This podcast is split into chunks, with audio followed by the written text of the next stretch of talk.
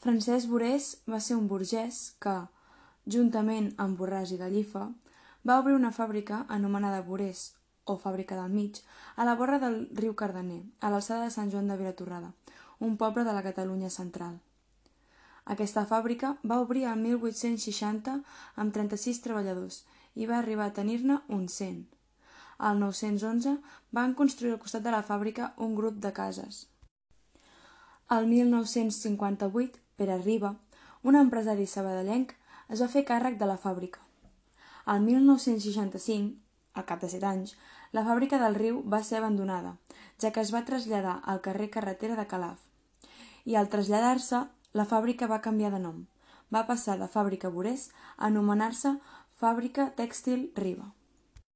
Actualment, en el lloc on abans hi havia la fàbrica Tèxtil Riba, hi ha un supermercat.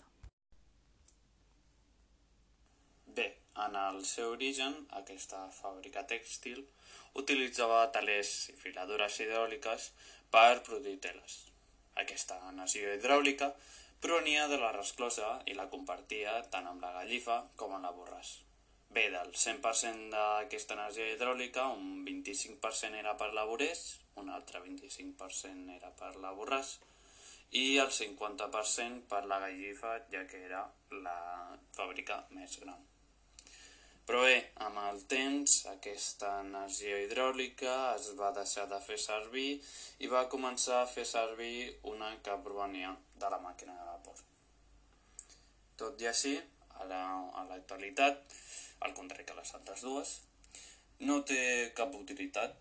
Ara és una estructura històrica del poble que un cop a l'any es pot visitar durant la Fira dels Embarrats L'edifici està bastant deteriorat i bueno, encara s'hi pot accedir per fer la fira i per tant encara es pot entrar.